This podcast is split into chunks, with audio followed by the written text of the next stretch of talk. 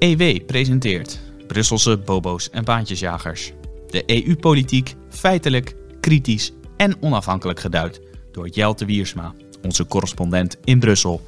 Alleen als mijn plan slaagt, maakt de mensheid een kans. Dat zei Frans Timmermans woensdag 14 juli over zijn ambitieuze plannen om de Europese Unie klimaatneutraal te maken.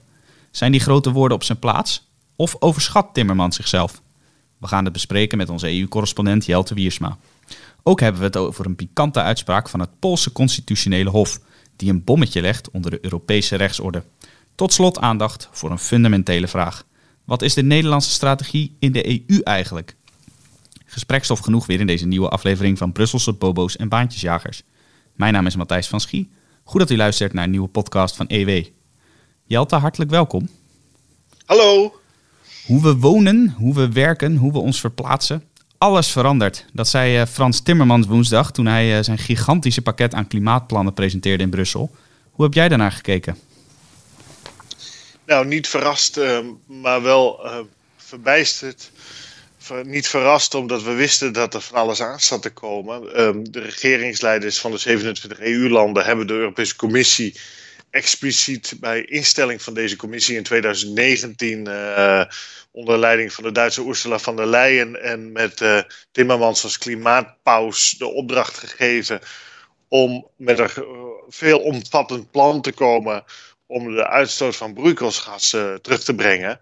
Nou, dat uh, is in etappes uh, nu naar buiten gekomen. Er was al een deel over landbouw bijvoorbeeld. En uh, woensdag is het verhaal buiten, naar buiten gekomen. Het, het, grote plan, het grootste plan ooit dat de Europese Commissie heeft gepresenteerd. En dat heet Fit for 55. Um, ik dacht eerst dat het klonk als een cursus in de sportschool. Maar Fit for 55 is een manier om uh, in 2030 55% minder CO2 en andere broeikasgasuitstoot te hebben uh, dan ten opzichte van 1990. Dus die periode 1990-2030, daar gaat het over.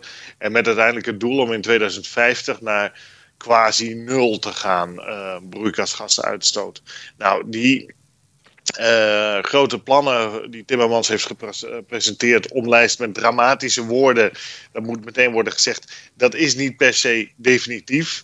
Um, de regeringsleiders en het Europees Parlement die kunnen hier natuurlijk nog iets over zeggen. Zo gaat dat altijd.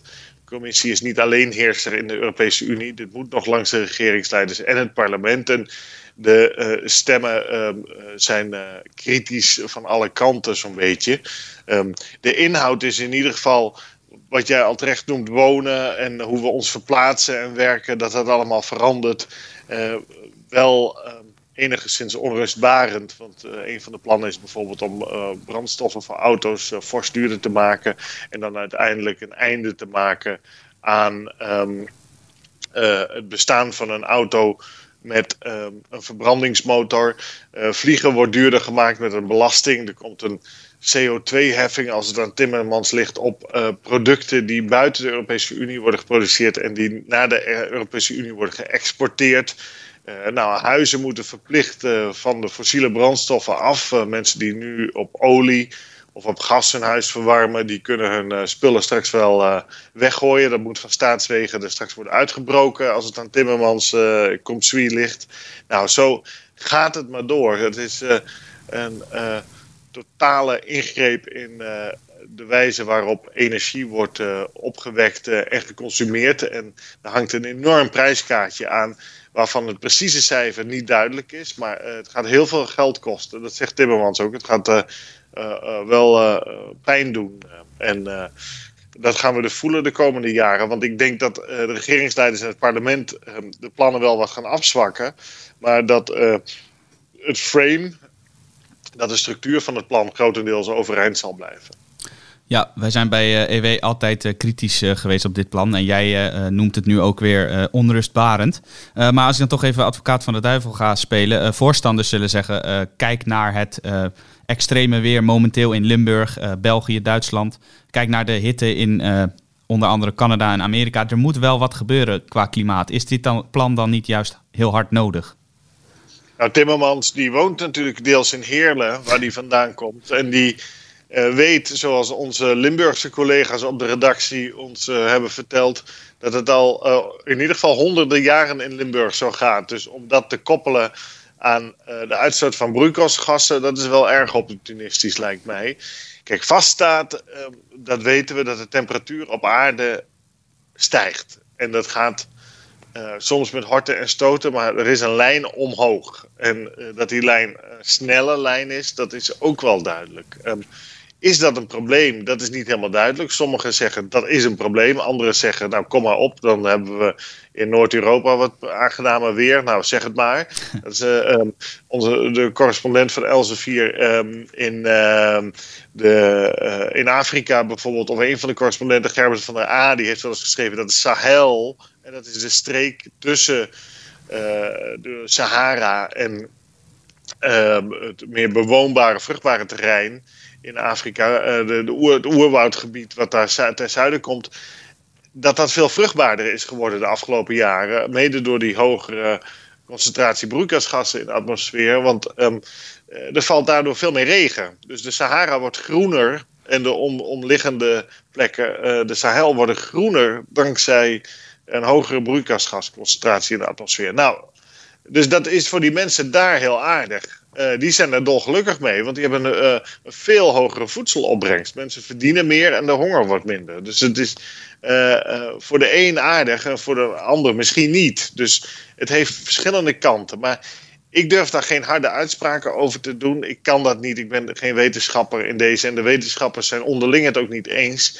Dus laten wij daar ons niet. Um, toe verleiden ja, tot harde Simon, uh, Simon Roosendaal, onze uh, columnist over klimaat, die kan hier inderdaad heel veel verstandige dingen over zeggen. En dat doet hij ook wekelijks. Dus als u uh, de diepte in wilt over klimaat, dan moet u vooral zijn columns lezen. Dat geheel terzijde. En wat, wat voor mij veel belangrijker is, is dat um, van staatswegen, van overheidswegen, wordt gezegd: u moet dit en u mag niet meer dat. En um, dat u iets niet meer mag. Nou, dat hebben we wel vaker meegemaakt in de geschiedenis. En dat is soms ook wel goed. Maar dit gaat veel verder. Dit gaat niet dat uh, je niet meer iets, uh, iets mag. Maar um, ja, goed functionerende technische systemen, zoals jouw auto met verbrandingsmotor of jouw cv-installatie in huis, worden eigenlijk buiten de orde geplaatst. En, en, van staatswegen moeten die straks naar de schroothoop of naar Afrika worden uh, of elders uh, worden geëxporteerd. Uh, dat deugt niet, wat mij betreft. Dat is een enorme ingreep in de vrijheid van mensen. Um, twee, ja, het, het gaat nooit werken, want de Europese Unie kan helemaal geen zogenoemd klimaatbeleid voeren. Waarom niet? Dus, nou ja, omdat de uitstoot van de Europese Unie landen samen, de 27 samen, dat is zo'n 6,4 en anderen zeggen 6,6 procent van de totale broeikasgasuitstoot van de wereld. Dus 6,4 tot 6,6 procent. Dat is verwaarloosbaar. Europese Unie-landen stoten gewoon heel weinig broeikasgassen uit. Eh, en zelfs als de Europese Unie niks uit zou stoten, andere landen eh, in de wereld, en dan spreek ik vooral over Afrika en uh, Azië ja, die trekken zich helemaal niks aan van uh, internationale afspraken over de beperking van de broeikasgasuitstoot. Daar uh, wordt in razend tempo, en dan heb ik het vooral over India en China, waar samen bijna de helft van de wereldbevolking woont, uh, kolencentrales neergezet. maar ook gasturbines worden daar massaal geplaatst om met Russisch gas te draaien en gas vanuit de, de golfstaten. Dus als vermindering van broeikasgassen uh, al zou helpen om uh, kennelijke drama's in het klimaat te voorkomen, dan uh, kan Europa dat niet doen. De Europese Unie kan dat niet doen. Dus je houdt mensen voor de gek als je zegt van dat je klimaatbeleid voert. Wat Frans Timmermans natuurlijk zegt, dat hoor je ook aan die uh, nogal ambitieuze uitspraak van hem, dramatische uitspraak ook, is dat de Europese Unie als uh, misschien wel meest welvarende deel van de wereld uh, hierin een voortrekkersrol moet nemen, het goede voorbeeld moet geven. Hoe kijk jij daar tegenaan? Ja, nou ja, als de Europese Unie een voor, voorbeeldrol uh, en een voortrekkersrol wil pakken, dan kan dat natuurlijk wel. Maar gebruik dan je gezonde verstand en zeg dan: kijk, we hebben prachtige techniek. Dat heet de splitsing van het atoom, beter bekend als nucleaire energie die daaruit kan worden opgewekt. Dat werkt fantastisch. Uh, je kan voor weinig geld een betrouwbare energiebron op die manier uh, neerzetten zonder overlast. Geen landschapsvervuiling met windmolens of, of, zonnepanelen. Geen windpark op, op zee die, die de hele Noordzee tot een onaantrekkelijk gebied maken. geen subsidies hoeven daar massaal tegenaan. Als je alle geld die nu wordt uitgegeven in die energiesector uh, wegstuurt eh, van de flauwekul van de zonnepanelen en de windmolens. Want dat, dat levert gewoon heel weinig op relatief naar de kerncentrales. Dan heb je binnen no time nul, nul broeikasgasuitstoot. of nagenoeg nul broeikasgasuitstoot. Dus de technieken die er zijn om het goedkoop en praktisch en, en intelligent te doen die wordt niet gebruikt. Die wordt expliciet niet eens genoemd in de uh, klimaatplannen van uh, Timmermans en Samson. Dat verbaast niet helemaal, want Duitsland uh, heeft een grote vinger in de pap in dat, dit klimaatplan. Mevrouw Ursula von der Leyen is er erg voor. Die heeft het ook eigenlijk een beetje weggehaald bij Timmermans. Samsom is natuurlijk uh, oud Greenpeace-activist. En die is um, fysicus die speciaal is gaan studeren om alles te leren over het atoom, zodat hij het kon gaan bestrijden. Ja, ja die, die mensen die heb je er ook bij. Um, dat is toch jammer. Um, dus, eh, maar wat, wat werkt, wordt niet gebruikt. En dat is wel erg, uh, erg raar, vind ik. En het is ook zo gek. Er zijn allerlei technieken um, uh, die worden min of meer verboden door deze plannen. Kijk, de verbrandingsmotor wordt eigenlijk buitenspel gezet. Terwijl mijn auto rijdt bijvoorbeeld op LPG. Ik ben een keer bij Neste geweest. Dat is een Fins oliebedrijf. Die hebben in Rotterdam een fabriek. Daar maken ze biodiesel en bio-LPG. Dan kan je dus uh, prachtig. Op, op die, uit afval wordt dat gemaakt. Dus je kan uit afval verbrandingsstoffen uh, maken voor jouw verbrandingsmotor. Waar je perfect op kan rijden. Waar geen uitstoot is, want die diesel die is doorzichtig. Dat ziet eruit als water. Dat is niet zwart zoals de diesel die je nu tankt. Uh, die LPG is uh, doorzichtig. Dat is een gas natuurlijk, maar als je het uh, samen perst, dan is het ook doorzichtig. Dat, er, komt niks uit jouw uitlaat. Dus waarom zou je die techniek, die al meer dan 100 jaar bestaat, die verbrandingsmotor, op de manier zoals we hem in onze auto's hebben, buitenspel zetten? Dat snap ik niet. Dat, ik, ik begrijp dat niet. Waarom zou je dat doen? En, een elektrische auto is wel aardig, maar dat werkt alleen maar op het moment dat je uh, die energie voor die elektrische auto uit een bijvoorbeeld nucleaire reactor haalt. Maar niet als je dat haalt uit allerlei andere verbrandingen, zoals hout, dat wordt verbrand. Dat mag volgens Timmermans en consorten wel als duurzame energie gaan gelden. Dus dan rij je met je auto op hout als elektrische auto en dat is dan duurzaam en dat mag dan wel en dat is dan goed. Terwijl als je op bio-LPG rijdt, uh, dan ben je het haasje. Nou, dat klopt natuurlijk. Daarvoor hoeven geen bossen te worden gekapt, uh, zoals bij biomassa het geval is bijvoorbeeld. Nee, nou, nou, ze zeggen wel, we, je mag alleen houtafval gebruiken voor uh, je biomassa-centrale, voor de houtstook. Maar goed, dan nog komt er CO2 bij vrij. Dat, komt elke keer naar voren bij allerlei onderzoeken. Dat is niet zogenoemd klimaatneutraal. Hè? Dat is niet, beter gezegd, dat is niet broeikasgasneutraal. Dus dat, dat, dat kan al niet werken. Ik heb ook de, de kersenboom in mijn tuin gehakt. En die groeit wel weer aan. Uh, omgezaagd en omgehakt. Maar die, die groeit wel weer aan. Maar ja, als ik hem in de kachel nu verbrand. Dan voordat die boom al weer terug is gegroeid. En die CO2 is weer eens opgeslagen. Dan ben je wel weer een jaar of 10, 15 verder. Dus um, um, als die klimaaturgentie zo groot is. En die, dat is hier volgens Timmermans en, en, en co ja, dan, dan is dat geen deugdelijke kwestie. En dan heb je natuurlijk de huizen uh, van het gas af.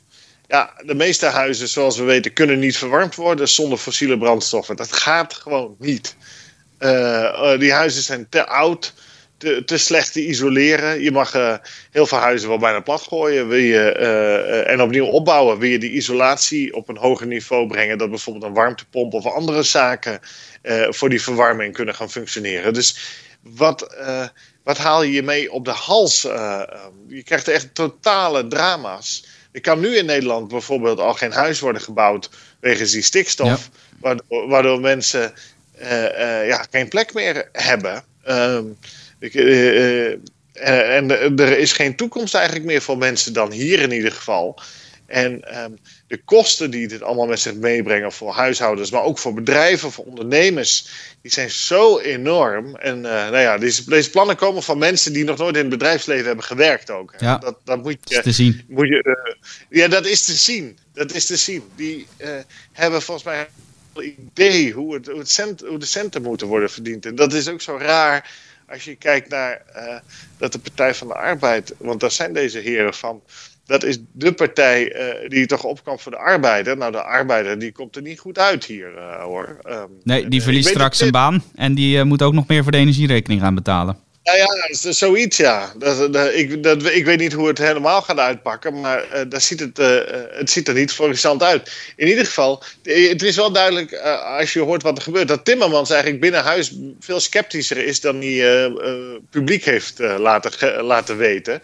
Uh, dat is wel interessant. En dat vonden Leyen en Samson juist erg uh, zitten te duwen van dit moet allemaal gebeuren.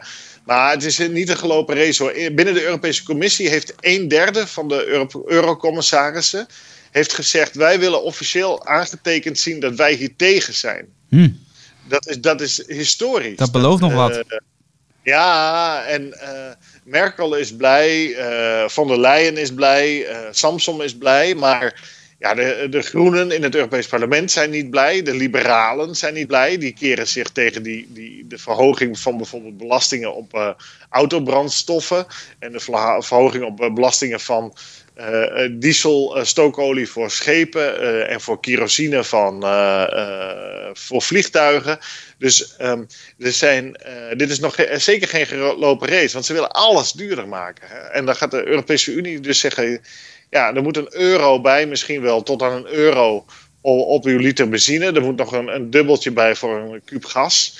Nou, dat zijn getallen die een beetje aan de ronde kant zijn, dus die kloppen natuurlijk niet helemaal. Maar dat, er, uh, dat de ambitie is om autorijden op fossiel onbetaalbaar te maken voor de gewone man. En die gewone man moet dan een elektrische auto gaan kopen die die ook niet kan betalen, want die, die, ja, die beginnen ook bij minimaal 30.000 euro. Nou, dat heeft gewoon niet iedereen op de plank liggen. Dus ehm, dan hebben ze wel een sociaal fonds ingesteld. Er moet er dan komen van um, 10, 10, miljard. En dan moeten de lidstaten nog eens 10 miljard bijleggen. Voor uh, de mensen die dat niet zouden kunnen betalen. Maar 20 miljard is natuurlijk niet heel veel op uh, de hele Europese Unie. En daar komt ook nog eens bij dat dit dan via de achterdeur een greep wordt van de EU op sociaal beleid. Want het is eigenlijk armoedebeleid dat dan gevoerd gaat worden. Dus je maakt mensen eerst arm. Hè? Uh, via dit uh, klimaatbeleid. En dan ga je dat repareren via de EU. En dan ga je weer geld in hun zak stoppen. Nou, dan, daar word ik heel erg kriegel van. sterker nog, ik vind het een all-out, een totale aanval op de vrijheid van ons als burger. Ehm, we hebben een overheid om ons te beschermen tegen andere mensen. Tegen buitenlandse mogendheden die, die ons land willen inpikken eventueel en uh, bescherming tegen medeburgers. Dat is zo'n beetje de kern van waarom we over een overheid hebben zoals we die kennen. Maar dit is, dit is een overheid die zich uh, tot achter jouw voordeur gaat bemoeien met, met hoe jij leeft. Uh, die jouw spullen, die totaal legaal zijn aangeschaft en waar, waar ook niet veel mis mee is. Sterker nog, misschien wel helemaal niks, zoals je auto op bio-LPG straks van je af gaan pakken. En in ieder geval waardeloos verklaren. En je dwingen enorme uitgaven te doen. Met geld dat je niet hebt. En uh, dan mag je dat lenen bij de staat. Zo gaat dat tegenwoordig. Dus dan kom je nog meer in staatshanden. Hè. De Europese Centrale Bank die gaat allemaal groene obligaties uitgeven. De Europese Commissie geeft groene obligaties uit. Dus er wordt massaal geld bijgedrukt. Uh, dat wordt dan uitgedeeld aan de mensen. En dan sta jij in het krijt bij straks de Europese Centrale Bank en bij de Europese Commissie. En je wordt totaal uh, tot een soort uh, slaaf gemaakt. Tot een, van, tot een horige, beter gezegd. ja, ik vind het angstaanjagend. Bij mij lopen echte rillingen over mijn rug. Dat, dat mensen vinden dat ik soms overdrijf. Maar ik heb dat letterlijk als ik zoiets lees. Dat ik denk, Ah, ik wil alleen maar schreeuwen. En ga weg, ga weg. wie zijn die mensen om zich te bemoeien met mijn leven? Of met het, leven van mijn buurman? Of van mijn vrienden of familie of collega's? Of van, van van de lieve luisteraars. Ga weg. Bemoei je niet met, met ons. er is niemand die, die, jullie gevraagd heeft om zich met ons te bemoeien. Laat de mensen in vrijheid zoveel mogelijk leven. En zorg dat ze elkaar de koppen niet inslaan. Dat is al moeilijk genoeg. Ja, nou, dat is een weinig uh, vrolijk stemmende conclusie die jij hier trekt. Gelukkig uh, is dus de strijd nog niet volledig gestreden, uh, zoals jij al zei. ja, hoe, hoe gaat dit nou verder? Moet er nu over worden gestemd? Of wat is precies de status nu van dit voorstel? Ja, wat er dan altijd gebeurt als de commissie een voorstel heeft, dan gaat het in de trialoog. Dan gaan commissie, parlement en raad van regeringsleiders, dus dat is minister-president Rutte in ons geval in Nederland, die gaan met elkaar uh, in onderhandeling. Uh, dat doen ze niet letterlijk direct, maar dat doen dan diplomaten en afgevaardigden. Die gaan dan met elkaar um, onderhandelen. en dan krijg je dus alle opvattingen van alle nationale regeringen. En dan krijg je de opvattingen van de verschillende fracties in het Europese parlement, de groepen moet ik eigenlijk zeggen. En dan de opvatting van de Europese Commissie. En ja, wat er dan meestal gebeurt, is dat uh, hier en daar zaken worden aangescherpt, dat wil het parlement vaak. En hier en daar zaken worden afgezwakt, dat willen de regeringsleiders vaak. Maar wat ik al eerder zei, kijk, je ziet wel vaak degene die de pen vasthoudt, die bepaalt toch de toon van de muziek. Er wil wel iemand eens een keer, um, um, ik moet eigenlijk zeggen, niet de, niet de toon van de muziek. Diegene die de pen vasthoudt, die, die heeft toch het frame zeg maar, op papier gezet. Dus dat is het eerste punt waar iedereen om gaat heen onderhandelen. Uh, en in die zin denk ik wel dat um, een heel aantal van de belangrijke punten die de commissie heeft neergezet, uh, dat die overeind gaan blijven. Misschien in afgezwakte vorm. Uh, maar desalniettemin in afgezwakte vorm is het wat mij betreft al angstaanjagend genoeg. Nou, we blijven in de gaten houden hoe zich dit uh, voortzet. Maar uh, dat het uh, niet direct de goede kant op lijkt te gaan, dat staat wel vast. We blijven het volgen. Ook jouw opvolger René van Rijkenvorsel die gaat het volgen. Want als u het nog niet weet, per 1 augustus keert Jelte terug naar Nederland. Om over allerlei Nederlandse kwesties verslag te doen. En dan neemt René van Rijkenvorsel het stokje van jou over in Brussel. Uh, laten we dan even naar het volgende uh, onderwerp gaan, dat eigenlijk de afgelopen week het gesprek domineerde daar uh, in de EU-gebouwen. Polen. want de rechter heeft in Polen uitspraak gedaan over een langlopend conflict met de Europese Unie over de rechtspraak al daar. Um, kun je even kort uitleggen waar die kwestie over ging? Even de herinnering opfrissen en dan vervolgens ook toelichten wat die uitspraak is? Jazeker. De, Poolse regering, um, onder leiding van de conservatieve partij PiS, uh, Recht en Rechtvaardigheid, die heeft een uh, soort uh, commissie ingesteld. Die als een tuchtraad, moet je je voorstellen, fungeert om het Pools grondwettelijk tribunaal, je mag het geen hof noemen, tribunaal, um, als het ware onderzoekt, bekijkt en bespioneert en nog zo wat. Nou, eigenlijk is dat een machtsgreep geweest van die Peace-partij om dat tribunaal onder directe politieke invloed uh, van hen zelf te zetten. Want in uh, uh, deze tuchtcommissie, zou je kunnen zeggen, deze overzichtsclub, zitten allemaal Peace-getrouwen. Die zijn daar neergezet. Nu heeft het Europees Hof van Justitie gevonnist dat dat niet mag. Dat het politieke beïnvloeding is. En uh, nu heeft het Poolse tribunaal, datzelfde tribunaal dat dus onder zeg maar curatele staat van de PiS-partij, heeft gezegd: ja, dat kan dus niet, want de, dat is een inbreuk op de Poolse grondwet, wat het Europees Hof van Justitie doet. Het illegaal verklaren van onze, onze constitutionele praktijken. en daarom gaan wij dat terzijde schuiven.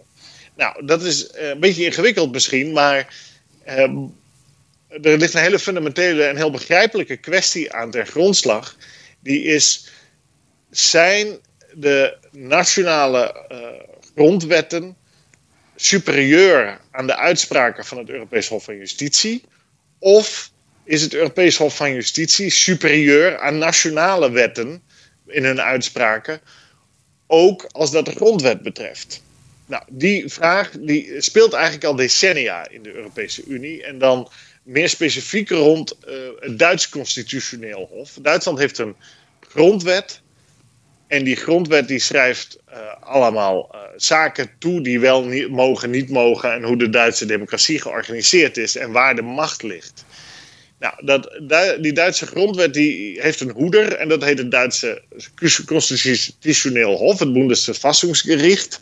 En het Duitse Constitutioneel Hof, dat, um, ja, dat kan eventueel vonnissen uh, dat uh, een uitspraak van het Europees Hof van Justitie in strijd is met de Duitse grondwet. Ja, en dan? Wat dan? Uh, Wie heeft er dan voorrang, kort gezegd? Ja, wie heeft de voorrang? En dat is een heel lastige vraag om te beantwoorden. Want de rechtsorde zoals die in de Europese Unie bestaat, op een aantal vlakken, niet op strafrechtengebied bijvoorbeeld, dat is nationaal, maar op, eh, als het gaat over allerlei conflicten over de interne markt, dat ligt allemaal bij uh, het Europese Hof van Justitie.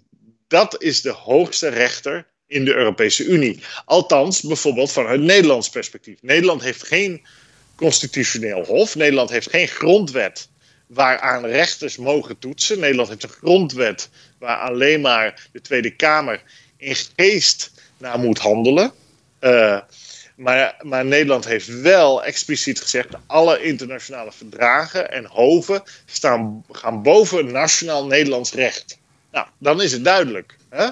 Dus het Europees Hof van Justitie gaat altijd boven een uitspraak van een Nederlandse rechter of altijd, kan altijd een Nederlandse nationale wet illegaal verklaren als, die, als het Hof van Justitie in Luxemburg zegt dat is in strijd met het Europees recht. Dat is in Nederland, uh, tussen Nederland en de Europese Unie is dat helder. Maar tussen Duitsland en de Europese Unie is dat dus niet helder. En tussen Polen en de Europese Unie ook niet. Nou, die Duitse kwestie die speelt dus al veel langer. Polen is natuurlijk pas sinds 2004 lid van de EU.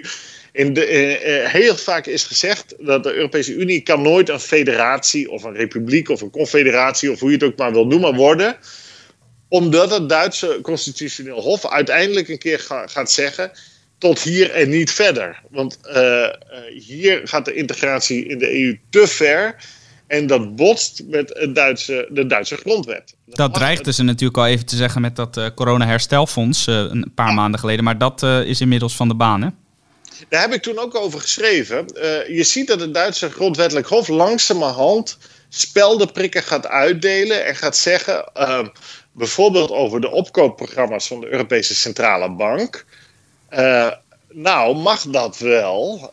nou, eigenlijk mag dat helemaal niet. Het is, allemaal eigen, het is eigenlijk allemaal illegaal hoor, wat er gebeurt. Maar goed, het Europese Hof van Justitie die, die stempelt daar elke keer uh, een mooie stempel met een EU-vlaggetje op. En zegt: nee, dat is allemaal prima en zo. Dat is helemaal in de geest van de euro en de Europese Unie. Terwijl in de verdragen expliciet staat dat, dat het allemaal, allemaal niet mag. Maar goed, de Europese Unie gaat wel vaker. Je eigen regels mag je breken. Zo is het, zo is het. Uh, maar het Duitse Hof heeft al uh, daar gezegd van nou, dat mag eigenlijk niet. En u moet het veel beter uitleggen allemaal als Europese Centrale Bank. Nou, dan heb je het volgende gaat het corona-herstelfonds, waarbij de Duitse grondwettelijk hof ook heeft gevonnist al in een, en in een soort tussenvonnis heeft gezegd van, nou, we weten niet of dit mag, maar we gaan er voorlopig niet voor liggen. Maar uh, we komen nog met een vonnis later in het jaar, over, definitief over of dit niet botst met onze grondwet. Want van het corona-herstelfonds wordt voor het eerst collectief geld geleend in de Europese Unie. En de, de, de vraag is of dat volgens de Europese verdragen wel mag. Nou, het Europese Hof van Justitie zegt altijd ja, dat mag. Want die zijn voor meer EU-integratie. Maar het Duits Grondwettelijk Hof zegt nou, dat weten we nog niet helemaal. Dus eh, de zaak, uh, ik heb er vaker over geschreven, is heel boeiend, vind ik. Want uh, het is een kwestie zoals die in de Verenigde Staten ook bekend is natuurlijk. Waar je een, een, nationale grondwet hebt en elke staat heeft zijn grondwet. En dat botst wel eens. En Um, daar is het iets helderder uh, opgeschreven. Dat komt ook omdat Amerika natuurlijk eigenlijk van de tekentafel uh, is begonnen. Terwijl in Europa, in de Europese Unie, er natuurlijk eeuwenoude tradities zijn in veel landen wat betreft rechtspraak en, enzovoort. Dus, uh, maar hoe dit gaat uitpakken, dat wordt aardig. het kan natuurlijk zijn dat zo'n Duitse constitutioneel hof uiteindelijk op zijn rug gaat liggen. Maar voorlopig eh, zijn het de Polen die de, met de bal vandoor gaan. En als eerste een harde grens hebben getrokken en gezegd van... Ja, Hof van Justitie, u gaat hier niet over. En als u denkt dat u hier wel over gaat... en dat denkt u, want u doet hier een uh, uitspraak over, u vonnist hierover... dan negeren wij dat vonnis. En ja, hoe dit nu gaat uitpakken. sommigen die zeggen al, het is een juridische exit van Polen uit de Europese Unie. Um, ja, zo kan je het inderdaad bekijken. Dit speelt natuurlijk ook tussen Hongarije en, en de Europese Unie, de, dit, soort, dit soort conflicten. Je zou kunnen zeggen dat een, um, ja, een deel van die Europese rechtsorde op deze wijze aan het afbrokkelen is. Maar je kan niet zeggen dat het Europees Hof van Justitie daar zelf niet heel erg zijn best voor heeft gedaan. Dat die rechtsorde afbrokkelt door uitspraken te doen, vonnissen al decennia lang pro meer EU-integratie, terwijl in de verdragen vaak expliciet stond dat dat helemaal niet de bedoeling was. Uh, dus die verdragen die dan democratisch door de regeringsleiders met elkaar zijn afgesproken. Dus in die zin moet je, uh, kon je erop wachten dat, dat een keer dat botste. want er is niet, heel veel democratische rugdekking voor het Europees Hof van Justitie. En ja, hoe dit nu gaat uitpakken, ik ben heel benieuwd. Het, er wordt elke keer gedreigd natuurlijk in tegen Polen met andere zaken, ook met het korten van subsidies en zo. Maar dat is nog niet zo makkelijk hoor, want er zijn allerlei veto's in de Europese Raad van Regeringsleiders. En bijvoorbeeld Hongarije zal dat nooit toestaan dat Polen wordt gekort, want dan uh, gaan, gaat Hongarije zelf ook gekort worden. Dus um, de, de wagen die natuurlijk al eigenlijk decennia met die Europese integratie door uh, het zand rijdt, uh, moeizaam vooruit en vaak vastzittend, die lijkt nu wel helemaal uh, te zijn vastgelopen. en um, hoe dat nou komt, ehm, dat gaan we zien. Het wordt heel spannend. Ja, jij noemde net al even Hongarije en in dat verband is het misschien aardig om even een statement van de Europese Commissie te noemen van donderdag 15 juli. Uh, die heeft namelijk gezegd: wij starten een uh, inbreukprocedure uh, tegen Hongarije vanwege de homowet, waar we het twee weken geleden uitgebreid over hebben gehad, en tegen Polen vanwege de zogenaamde homovrije zones. past dat ook eigenlijk in deze spanning die je ziet wat betreft Brussel versus Oost-Europa, om het maar even zo te noemen? Jazeker, dat kan je natuurlijk zo zeggen. Dit is wel een beetje een andere kwestie natuurlijk. Dit is. Um, maar, uh, want dit gaat over de rechten ook van andere EU-burgers om zich bijvoorbeeld vrij te bewegen binnen Polen. Uh, of uh, het Hongaarse onderwijs, waar verplicht op scholen ehm, nou, moet onderwezen dat een, een, gezin bestaat uit een vader en een moeder en kinderen, een heteroseksueel gezin. En uh, dat over uh, homo's uh, en ook transgenders enzovoort, dat daar geen onderwijs moet plaatsvinden. Nou, ik vind dat ook een beetje gek hoor, dat Hongarije dat doet. je kan natuurlijk, ik ben erg voor diversiteit, zoals jij weet. scholen moeten dat toch vooral zelf bepalen, zou ik zeggen. hoe zij hun kinderen willen onderwijzen. En dan kunnen de ouders kiezen wat voor programma's zij aan hun kinderen willen voorschotelen. Uh, of zij wel of niet dat uh, hand in hand lopende homo's in schoolboeken voorkomen. Uh, um, of, of dat ze dat wel willen. Dat, ja. Dus dat, dat, dat Hongarije dat per wet aan alle scholen oplegt, dat deugt niet helemaal. wat mij betreft. Um, maar um, ja, deze zaak zal ook weer voor het Europees Hof van Justitie komen. Want dat is het gevolg van een inbreukprocedure. En uh, dan gaat het Hof van Justitie um, in Luxemburg, die gaat weer vonnissen. En dan uh, kan het natuurlijk best zijn dat Hongarije en Polen zeggen van nou, wij voeren dat vonnis niet uit. Nou ja, dan is het wel totale oorlog. Dus dan gaan we kijken hoe dat gaat uitpakken. Maar uh, duidelijk is dat um, wat wel vaak imperial overstretch wordt genoemd in het Engels. de Europese Unie is natuurlijk een Duits-Frans imperium, een Duits-Frans rijk. Duitsland en Frankrijk tellen en de rest is bijzaak. En Nederland ook, wij, tellen niet mee, wij hebben niks te zeggen. Uh, en uh, die, die imperial overstretch, dat zie je dus nu. Dat de Slavische landen, orthodoxe landen, ja, die botsen met een aantal waarden op waarden die Frankrijk en Duitsland hebben omhelst. En, en dan is het armpje drukken, oh, wie is de sterkste? En Um, uh, het zou me uh, niet verbazen als um, uh, ja, dit leidt tot een langzame scheiding der geesten tussen de twee. in ieder geval tussen West-Europa en Oost-Europa. en hoe dat gaat uitpakken, dat weet ik niet.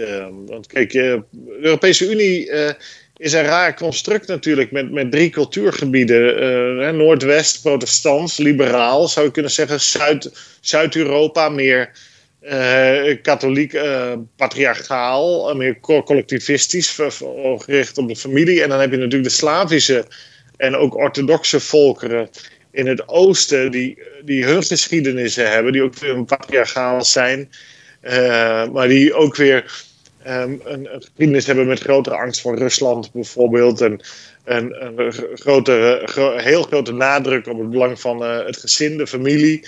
Um, dus hoe, terwijl in Noordwest-Europa meer het individu uh, belangrijk is, ja, hoe je dat aan elkaar wil uh, lijmen, dat is in de Verenigde Staten van Amerika al heel lastig. Um, en uh, in de Europese Unie um, zie je dat datzelfde probleem opdoemt. in de, de, VS heb je bijvoorbeeld nou ja, dat abortus door de hoogste rechter is goedgekeurd en dat dat dan in alle staten mag zijn. Maar in heel veel staten zeggen uh, de regeringen van nou, wij willen die abortus niet. Nou ja, uh, er komt misschien weer een zaak voor de rechter bij het uh, Hoge Rechtshof in Amerika om die zaak te herroepen. En dan is het weer aan de staten om te bepalen of abortus wel of niet mag. Ehm, nou ja, de, precies dezelfde kwesties, morele kwesties, ethische kwesties, die heel erg cultuurgebonden zijn, die zie je in de Europese Unie ook naar voren komen. En er wordt geprobeerd alles in één mal te drukken. En ik heb altijd gezegd, dat lukt niet. Als je dat doet, dan ploft de boel uit elkaar. Als je de druk op gaat zetten, dan ploft het uit elkaar. Ja, en dat is natuurlijk met Brexit al gebeurd. En ik denk dat dat uh, op een of andere manier op lange termijn met uh, Oost-Europa ook kan gebeuren. Dat, maar hoe en wat, dat, dat weet ik niet. Dat, uh, ik heb geen glazen bol. Ja. Al denk jij soms van wel. Maar nou, inderdaad. Je, je zei het net al, uh, het dreigt uh, te gaan ontploffen. Nou, jouw kennende zal dat dan ook gaan gebeuren in de toekomst. De vraag is een beetje wanneer. In ieder geval spannende tijden in de Europese Unie. En zoals jij vorige week ook al voorspelde, weer de glazen bol, is het een allerminst saaie zomer tot nu toe in Brussel. Dus we houden dat de komende weken in de gaten. Laten we het tot slot nog even hebben over een eh, onderwerp uh, dat we uh, vorige week net hebben gemist. dat werd kort nadat wij de podcast hadden opgenomen, werd er een rapport gepubliceerd door de Commissie Europese Economie. En dat gebeurde naar aanleiding van een artikel in EW van Adriaan Schout, onderzoeker aan Klingendaal en hoogleraar. Um, wellicht is het goed als jij eerst eventjes uitlegt wat voor commissie dat is, die Commissie Europese Economie. En wat er precies uit dat rapport is gekomen dat ze hebben geschreven. Ja, die commissie uh, Europese Economie is ingesteld door uh, minister van Financiën van CDA, Wopke Hoekstra, uh, op verzoek van Pieter Omtzigt, die Kamervragen stelde naar aanleiding van het stuk van hoogleraar Adriaan, Adriaan Schout in september 2020 bij Elsevier. En Schout zei van, ja, er moeten opt-outs komen. Nederland moet taboe eraf halen dat Nederland overal aan meedoet wat betreft EU-integratie. Uh, en uh, dan wees hij specifiek op het corona-herstelfonds, waar dus voor het eerst uh, geld geleend gaat worden collectief in Nederland. Nou ja, zeker zo'n 20 miljard euro naar bijvoorbeeld Italië en andere landen gaat brengen. Um, hij zei ja, dat, daar moeten, in dat soort gevallen moeten wij als Nederland een opt-out bedingen. wat zoiets betekent als we doen niet mee. Nou, uh, Omzicht heeft dat ingebracht. Die was ook kritisch over dat corona-herstelfonds. Hoekstra heeft dus een commissie ingesteld. Onder leiding van Roel Beetsma, uh, hoogleraar in Amsterdam. Deze Beetsma is trouwens CDA-adviseur. Maar ja, zo gaat dat in Nederland. Uh, een CDA-Kamerlid stelt een vraag aan een CDA-minister. En die benoemt dan een CDA-commissievoorzitter. Nou, de VVD zat natuurlijk ook in die commissie met de helaas overleden Hans van Balen. Daar zaten nog een aantal mensen in, zoals uh, Katrien de Vries, die uh, erg euro-enthousiast is um, en aan de Bocconi uh, Universiteit in Milaan doseert. Um, deels ook betaald wordt door de Europese Unie, dus wie betaalt bepaalt. Zo gaat het natuurlijk in, in de wereld. En dan heb je nog Barbara Baarsma van de Rabobank in Amsterdam. Een vrouw die ik nooit heb kunnen betrappen op enige originele gedachte. maar goed, uh, die, zit er dan ook in, in zo'n club. En, uh, en Lex Hoogduin natuurlijk, die ooit bijna minister, of, uh, president van de Nederlandse Bank werd, maar dat uiteindelijk niet werd. Een hoogleraar is te Groningen. Nou, deze club um, die heeft een, vier voorstellen gedaan en vier strategieën voorgesteld die Nederland zou moeten volgen voor een coherent, coherente positie binnen de Europese Unie. Ja, laten we die even kort langslopen, die, die vier mogelijke strategieën. Ja, ik heb ze hier op papier. Ze hebben uh, gezegd van. Uh, uh, er is een lichte variant, die betekent dat Nederland alleen maar mee, mee wil doen als er meer markt is. Hè, dus het openbreken, verder openbreken van de EU-markt en andere markten. maar dat Nederland niet meedoet aan het gemeenschappelijk schulden maken, herstelfonds of andere transfers. En dan heb je de keuze meerdere snelheden. Dan doet Nederland alleen verdere integratie met financieel degelijke landen zoals Duitsland. En dan is er keuze drie gestaagd door. Dat is eigenlijk uh, de EU en de eurozone blijven zoals ze zijn. Niet veel meer integratie, maar ook niet uh, op delen eruit. En dan heb je keuze vier, volledige EU-integratie met een EU-begroting, EU-belastingen en nou ja, zeg maar al het geld wat we hebben naar Italië sturen. dat is dan het verhaal. En zij uh, zeggen, ja, wij maken vier coherente strategische keuzes. En eigenlijk moet de regering met, met de Tweede Kamer één strategie kiezen. En als je die strategie kiest, dan volgt uit die strategie een aantal logische posities die Nederland in moet nemen in de Europese Unie. Want, zeggen zij, en dat is ergens wel waar, Nederland heeft nu geen opvattingen over de Europese Unie. Want um, uh, en wordt elke keer overvallen door uh, feiten die gecreëerd worden door anderen. Uh, en die feiten zijn dan dat Frankrijk en Duitsland met een plan komen. En Nederland reageert daar dan op. Maar de hoofdmoot van dat plan blijft overeind en wordt wet. en crisis, zoals met de eurocrisis, de Griekse crisis, de bankencrisis, de migratiecrisis. Er zijn de hele tijd crises die, die deels zijn, zijn gecreëerd door die Europese Unie zelf door slordige integratie. En daar moet dan op gereageerd worden. Daar moet een pleister dan geplakt worden. Althans, uh, dat is dan de bedoeling. Uh, en dat leidt dan ook tot meer integratie. Dus de crisis en, laten we zeggen, Frans-Duitse voorstellen leiden tot meer integratie. En Nederland heeft eigenlijk geen plan en die reageert daarop. Dus loopt achter de feiten aan, echt. Ja. Dat is het. Nou, ja. Dat is niet helemaal waar. Maar um, wat, uh, een paar dingen kloppen niet in het verhaal van deze commissie. Eén, zij uh, gaan ervan uit dat de EU uh, en de euro uitstekend zijn voor Nederland. En, um, en de optie, de strategische positie uit de Europese Unie en uit de euro staan er niet bij. Of uit de euro bijvoorbeeld staat er niet bij en in de EU blijven. Dat had er natuurlijk wel bij gemoeten.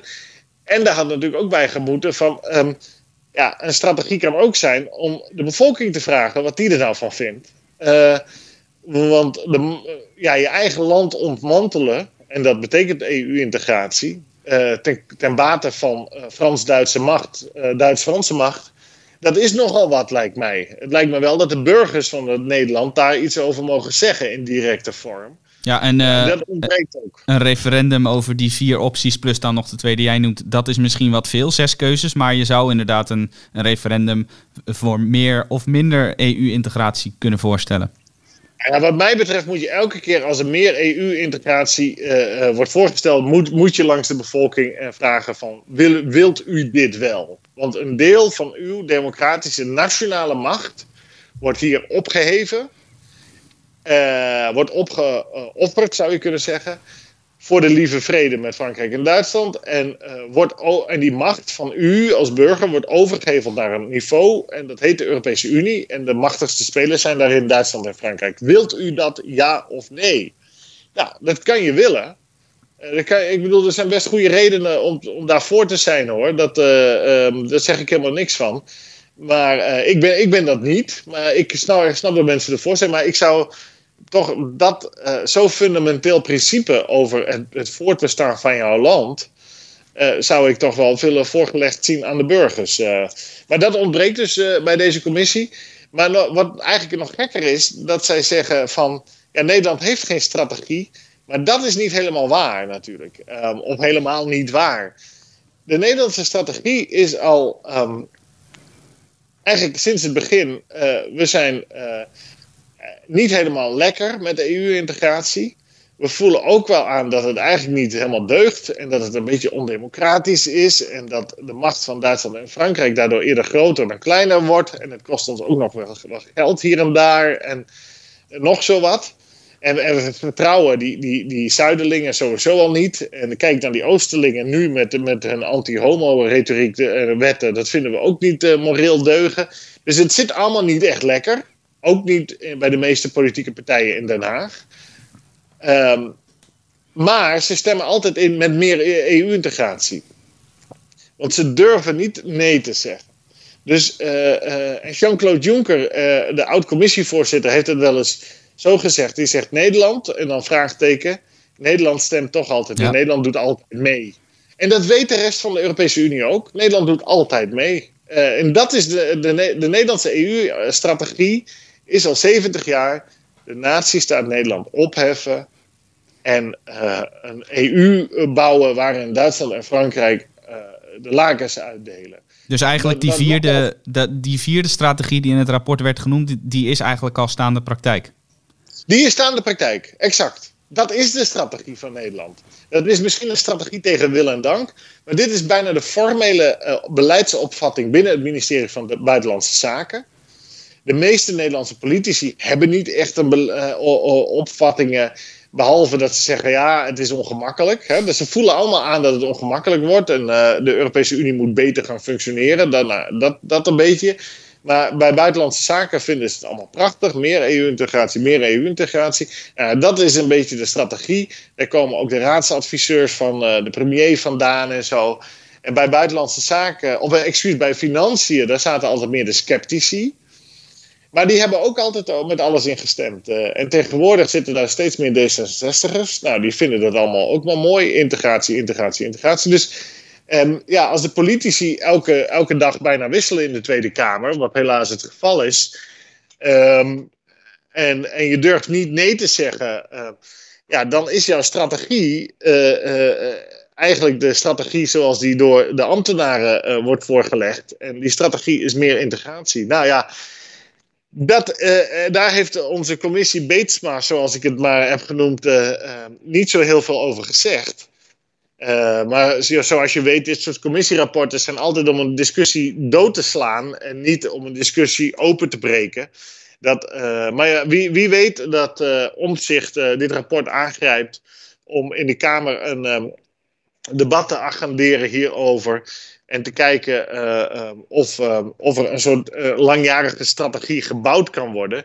Wat wel eens hier zich ook wreekt, is natuurlijk um, in een land zoals daar, of Frankrijk heb je al een eeuwenoude strategie eigenlijk. En die, die, die hele politieke en ambtelijke klasse die is opgeleid aan dezelfde universiteit zo'n beetje.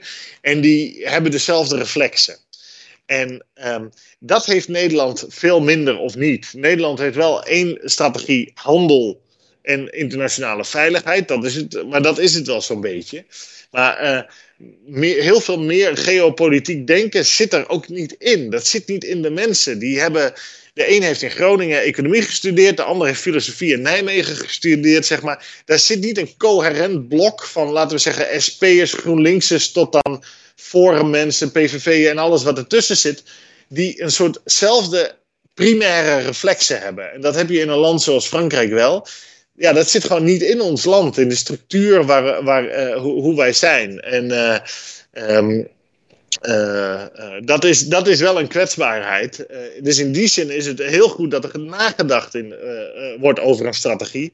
Ik zou zeggen, je hoeft maar één strategie te hebben voor elke overdracht van macht aan de Europese Unie, schrijf een referendum uit. En dan heb je een duidelijk ja of nee. Uh, en ik denk dat het dan heel vaak een nee wordt. En dan kies je, kiest de bevolking eigenlijk de strategie van de opt-outs. Zoals Adriaan Schout heeft voorgesteld. En zoals Beetsma en consorten die als een van de strategieën uh, voorkouwen. En je kan zelfs nog een terugtrekkende beweging maken. Dat je vraagt van moeten wij voort met deze euro. Um, uh, of moeten wij uh, daar een stapje terug in doen? Maar uh, we weten zeker dat dat nooit gaat gebeuren, of niet gaat gebeuren. Die referenda komen er niet, want elk referendum over de EU levert een nee op. Want de, de, burgers willen het niet. De meerderheid van de Nederlanders wil niet wat er gebeurt. Maar de meerderheid van de politieke en ambtelijke klasse wel. die willen Nederland als het ware opheffen binnen die, en laten opgaan in een Frans-Duits Rijk. En ja, het referendum is afgeschaft door diezelfde mensen die, die niet willen dat de burgers iets te zeggen hebben. Dus het is een gedane zaak in die zin, Matthijs. Nou. Al die strategische rapporten kunnen de prullenbak in. Wij gaan op in dat Frans-Duitse Rijk. En nou ja, dat is dan maar zo.